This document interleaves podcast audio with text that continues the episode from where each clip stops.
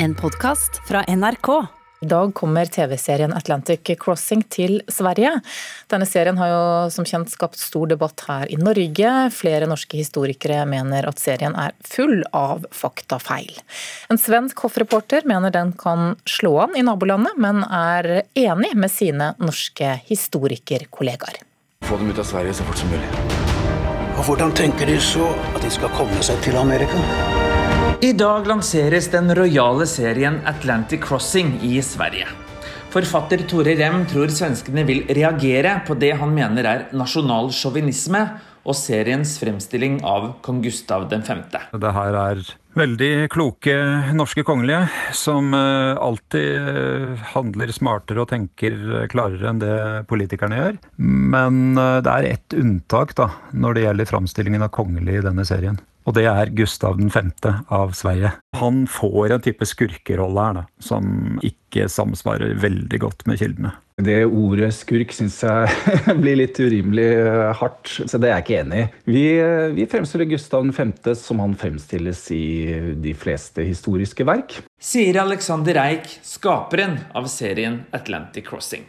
Europe is on fire, Franklin. Den svenske hoffreporteren og historikeren Roger Lundgren tror serien vil ha appell hos søta bror, men han er forberedt på selv å bli skuffet, da han mener serien virker å ta for store kunstneriske friheter. Det er en kjent svensk skuespillerske. Mange kommer å tykke at det er et spennende drama. Med tanke på hva jeg har lest og hørt i debatten om serien, så kommer jeg til å være mye mer kritisk personlig, ettersom jeg er interessert og jobber med denne typen av spørsmål. Og syns det er veldig, veldig viktig at uansett når man dramatiserer, at man holder seg til sannheten. Reporter her, det var eh, Knut Øyvind Hagen. Kristian Syse, Norges ambassadør til Stockholm, velkommen til Nyhetsmorgen. Takk skal du ha, takk for invitasjonen. Vi hørte jo litt om dette i reportasjen, men kan du utdype litt hva som er de svenske reaksjonene på denne serien så langt? Ja, altså Den fikk ett poeng i Aftonbladet, som mente det var en overspilt dokusåpe. Eh, det var bedre omtale i Dagens Nyheter. Men jeg vil si eh, det beste som har vært eh, skrevet foreløpig, det er det jo en norsk historiker som står for, nemlig Trond Norén Isaksen. Han hadde hovedkronikken i gårsdagens Svenska Dagbladet. Og Det var en nøktern gjennomgang av Märthas eh, egentlige rolle. Han har jo skrevet en bok om Märtha og president Roosevelt, som du kanskje vet. Og så hører vi jo Tore Rem her beskylde serien for å gjøre Gustav 5. til en skurk. Er du enig i den fremstillingen? Altså Sett fra mitt ståsted så tenker jeg man må altså huske at det var ikke bare Norge som var i en presset situasjon under annen verdenskrig, særlig første par år, da, men også Sverige. Og det svenske målet var jo til enhver tid å bevare svensk nøytralitet. Og Det ble jo en del prinsipper som ble ofret på det alteret. Eh, men er, man skal være varsom tror jeg, med en forenklet analyse. Altså, Gustav, i likhet med mye av den svenske eliten, var jo tyskvennlig langt fra nazistisk. Altså, de nazistiske partiene fikk ingen representanter i Riksdagen. Gustav fikk jo også for øvrig anerkjennelse for humanitært arbeid. Eh, men det er jo også historisk kritikk av ham, og det er jo riktig. Men jeg tenker, sett fra Som norsk ambassadør og som nordmann må man alltid huske på Sveriges bidrag til Norge. altså 50 000-60 000 norske flyktninger kom seg over. 60% av Norges jøder ble reddet til eller via Sverige. Nesten 15 000 unge menn fikk militæropplæring skjult under navnet polititroppene. Ja, og Gustav 5.s nevø Folke Bernadotte ledet altså de hvite bussene som reddet bl.a. skandinaviske fanger ut av fangeleirene. Så dette er et mangefasettert bilde. Men Er dette en serie som, som svenskene er og, og kommer til å være opptatt av, tror du? Ja, altså andre verdenskrig er av forståelige årsaker litt fjernere for et svensk publikum enn et norsk publikum. Men svaret på spørsmålet ditt tror jeg er ja, at det vil være en fornyet bevissthet. Men desto viktigere at man da har historisk, eh, et historisk forhold til eh, fakta, og det blir belyst også, synes jeg, ganske bra. Kan denne serien bidra med noe i, i forholdet mellom Norge og Sverige, tror du? Ja, altså, jeg tenker eh, ja og nei. altså Det må jo være økt forståelse, men det er altså da med et forbehold, i lys av den kritikk som også uh, Tore Rem er kommet med. Nå skal man jo huske på også at de norske og svenske kongefamiliene har Altså, ja ja, Sveriges konger var jo Norges konger i unionstiden. Og Märtha, som altså hovedpersonen her, hun kom altså fra Sverige. Det var et komplisert forhold under andre verdenskrig mellom kongefamiliene eh, av forståelige årsaker. Det var også enkelte misforståelser. Så ble det en viss bedring, men likt langsomt i etterkrigstiden. Eh, vi må jo huske på at enkeltmedlemmer av svenske kongefamilien har jo alltid stått vår konge og dronning eh, nær. Og så har man da kronprinsparet. Kronprinsparet og det svenske kronprinsesseparet har jevnlig kontakt. Og Kronprinsparet skulle til og med vært på offisielt besøk her i Sverige i mai i fjor. Det ble av forståelige årsaker utsatt. Men det kommer så raskt som mulig. Ok, Kristian Syse, Norges ambassadør til Stockholm, takk for at du var med her i Nyhetsmorgen.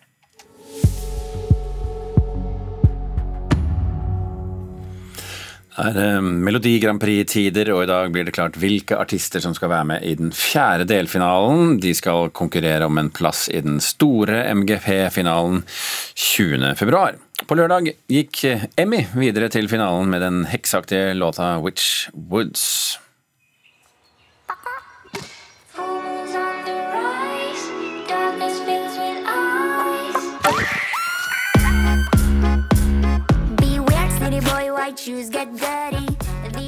Reporter Kristine Hirsti, hvem er de fire som skal kjempe om finalebilletten i helgen? Ja, Nå er det nettopp blitt klart hvem som skal kjempe om seier på eh, lørdag. Her er det kjente fjes og kanskje noen overraskelser. Vi har eh, med oss her Mikkel eh, Gaup, hei. og eh, Therese Og Marianne Penta, unnskyld. Ja, Dere er jo begge kjente navn.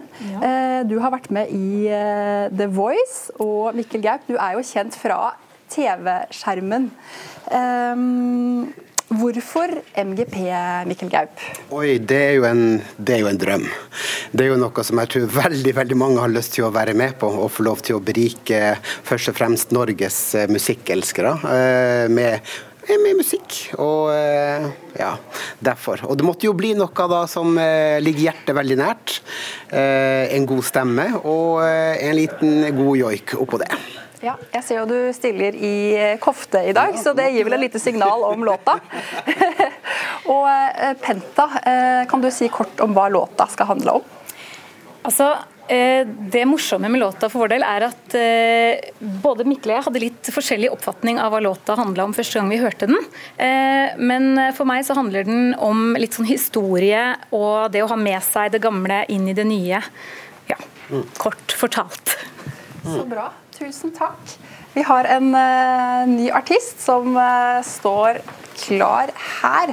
Royan, sa jeg det riktig nå? Nå er det riktig, vet du. Ja, så bra. Uh, jeg har lest at du er influenser og musiker. Blant annet, blant annet. Ja, og du har blitt kalt et stjerneskudd. Uh, det liker vi. Hva er det du bringer inn i MGP? Jeg bringer show. Men jeg, um, også bringer jeg um, kanskje litt av tøffere siden som kanskje mangler. Jeg mangler å se liksom um, kvinner med litt bein i nesa. Så jeg tenker bare jeg skal kjøre på med ekstrashow uh, nå. Kult. Hva slags musikk er det låta di er inspirert av? Uh, jeg, ikke noe sånn spesifikt noe musikk, men det, vel, det blir vel litt sånn pop-hiphop-sjangeren, uh, da. Um, og så tenker tenke at jeg bare skal skape noe gøyalt. Uh, bare kose meg på scenen er vel målet. Så mm. Vi ønsker deg lykke til. Tusen hjertelig. Og så har vi eh, artisten som kaller seg Kim. Ja, eller du kan bare si Kim. Kim, ja. Du heter jo egentlig Kim Rune Hagen. Mm. Og du er jo ikke ukjent du heller. Du har vært med i Idol og The Voice. Ja, vært med litt her og der. Ja. Hvorfor MGP nå?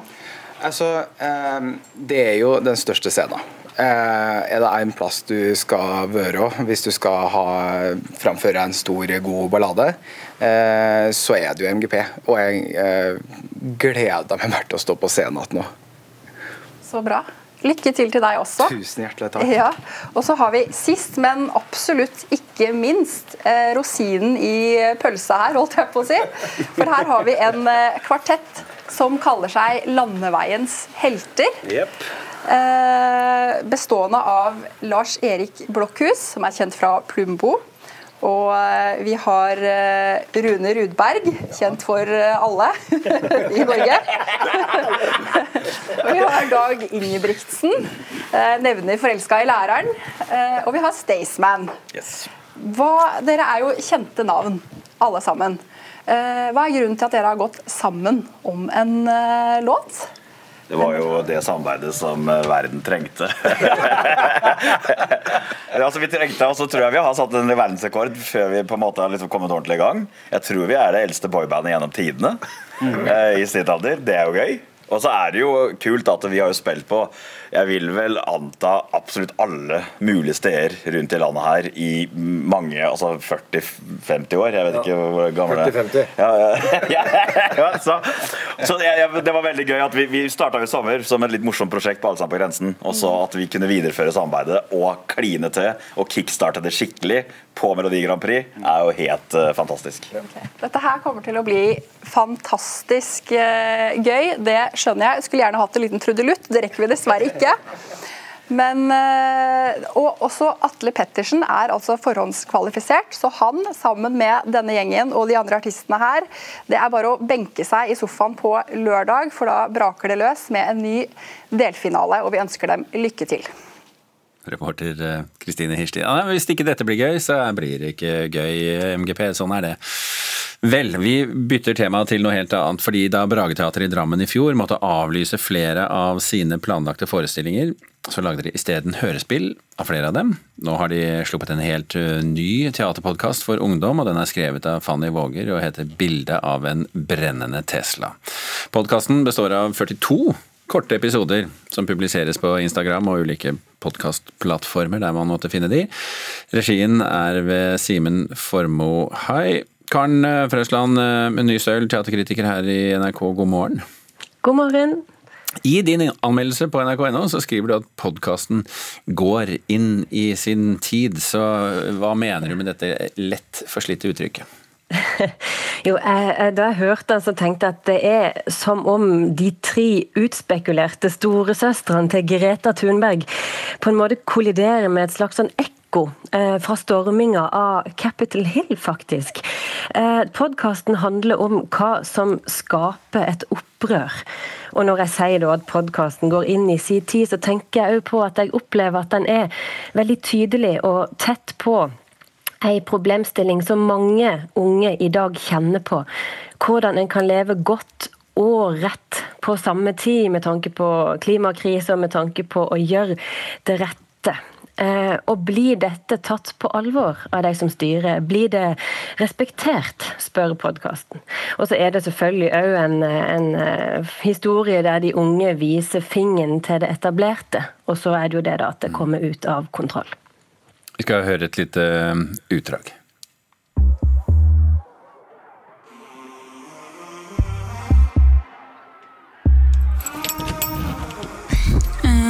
Det begynte sikkert lenge før den dagen, men det var den dagen det ble noe ekte, liksom. Og ærlig, jeg tror ikke noen ville at det skulle bli så jævlig drøyt sånn som det ble, men samtidig, jeg tror alle var sinte og pissed, og jeg tror, jeg tror vi følte at vi liksom hadde rett til å være det, da. Dette var uh, Georgia May Anta i rollen som Ivy i denne podkasten, som altså har fått navnet 'Bilde av en brennende Tesla'. Brageteater i Drammen vi snakker om her. Um, du, musikken vi hørte her, Karen, den er komponert av uh, Peter Baden. Mm. Hva handler, hva handler denne podkasten uh, om? Eh, Podkasten handler om tre jenter i et hiphop-kollektiv som blir plukka opp av et reklamebyrå og bedt om å lage ei låt og dokumentere denne låtprosessen på Instagram. Oppdragsgiveren er det kontroversielle energiselskapet Noroil, som har funnet ut at de trenger flere unge følgere på sosiale medier, og det er jo et ledd i en slags grønnvasking av et eh, kontroversielt energiprosjekt. Og Jentene takker under tvil ja, og så bestemmer bestemmer de seg for å snu på oppdraget. Så det de gjør, er å vende seg mot Noroil uten at de kan bli tatt for å gjøre det. Men så er det jo sånn da at sånne fenomener på internett de lever sitt eget liv når de får et frislepp der ute på nettet. Og det skjer her. og Plutselig så kommer situasjonen ut av kontroll, og bildet eller begrepet da, brennende Tesla det er liksom ikke lenger bare billedlig for en del av følgerskaren. Eh, nå sitter vi her i et eh, tipp topp radiostudio med veldig gode øretelefoner og alt det der, men det hørtes jo utrolig fint ut lydmessig for meg. Eh, er det det for alle andre òg? Ja, ja, det er det. altså. Det ligger utrolig godt på øret. Dette lydbildet er tett og nært, og du får virkelig en følelse av å være i samme rom, i samme bil, som karakterene når de kjører rundt. Så er tempoet fint, det er et veldig godt driv, og musikken bare drar det framover. Men episodene er kjempekorte. Altså, de er mellom ett og, og seks minutter lange. Så det kan nesten lønne seg å høre flere i slengen. Um, målgruppa er ungdom fra 16 år og opp. Og som voksenlytter så vil en fort føle seg litt gammel. Eh, både i forhold til hvordan eh, vår, eller voksenverdenen da blir framstilt, den er ganske karikert.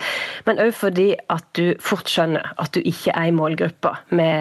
Både med slang og sosiolekt og, og alt. Det skjønner jeg stadig vekk, syns jeg. Men uh, betyr det at jeg ikke bør høre på den? Jo, det syns jeg du både kan og bør, Birger. Og det er to grunner til det. Den ene er at det er viktig å vite og følge med på hva som rører seg hos de som er ungdom i dag. Og så er det det at denne podkasten er, som jeg sa tidligere, en slags sånn ekko fra storminga av Capitol Hill i januar. Den, den sier noe om mekanismene bak opprør, og hvordan nettet fungerer og spiller inn i situasjoner som leder til noe som kom ut av kontroll. Og dessuten så er det en fengende historie. Ok, Teaterkritiker i NRK Karen Fusand Nystøl, takk for at du var med. og Hvis eh, du som hører på dette har lyst til å lese anmeldelsen til Karen, så ligger den på nrk.no. Du har hørt en podkast fra NRK. Hør flere podkaster og din favorittkanal i appen NRK Radio.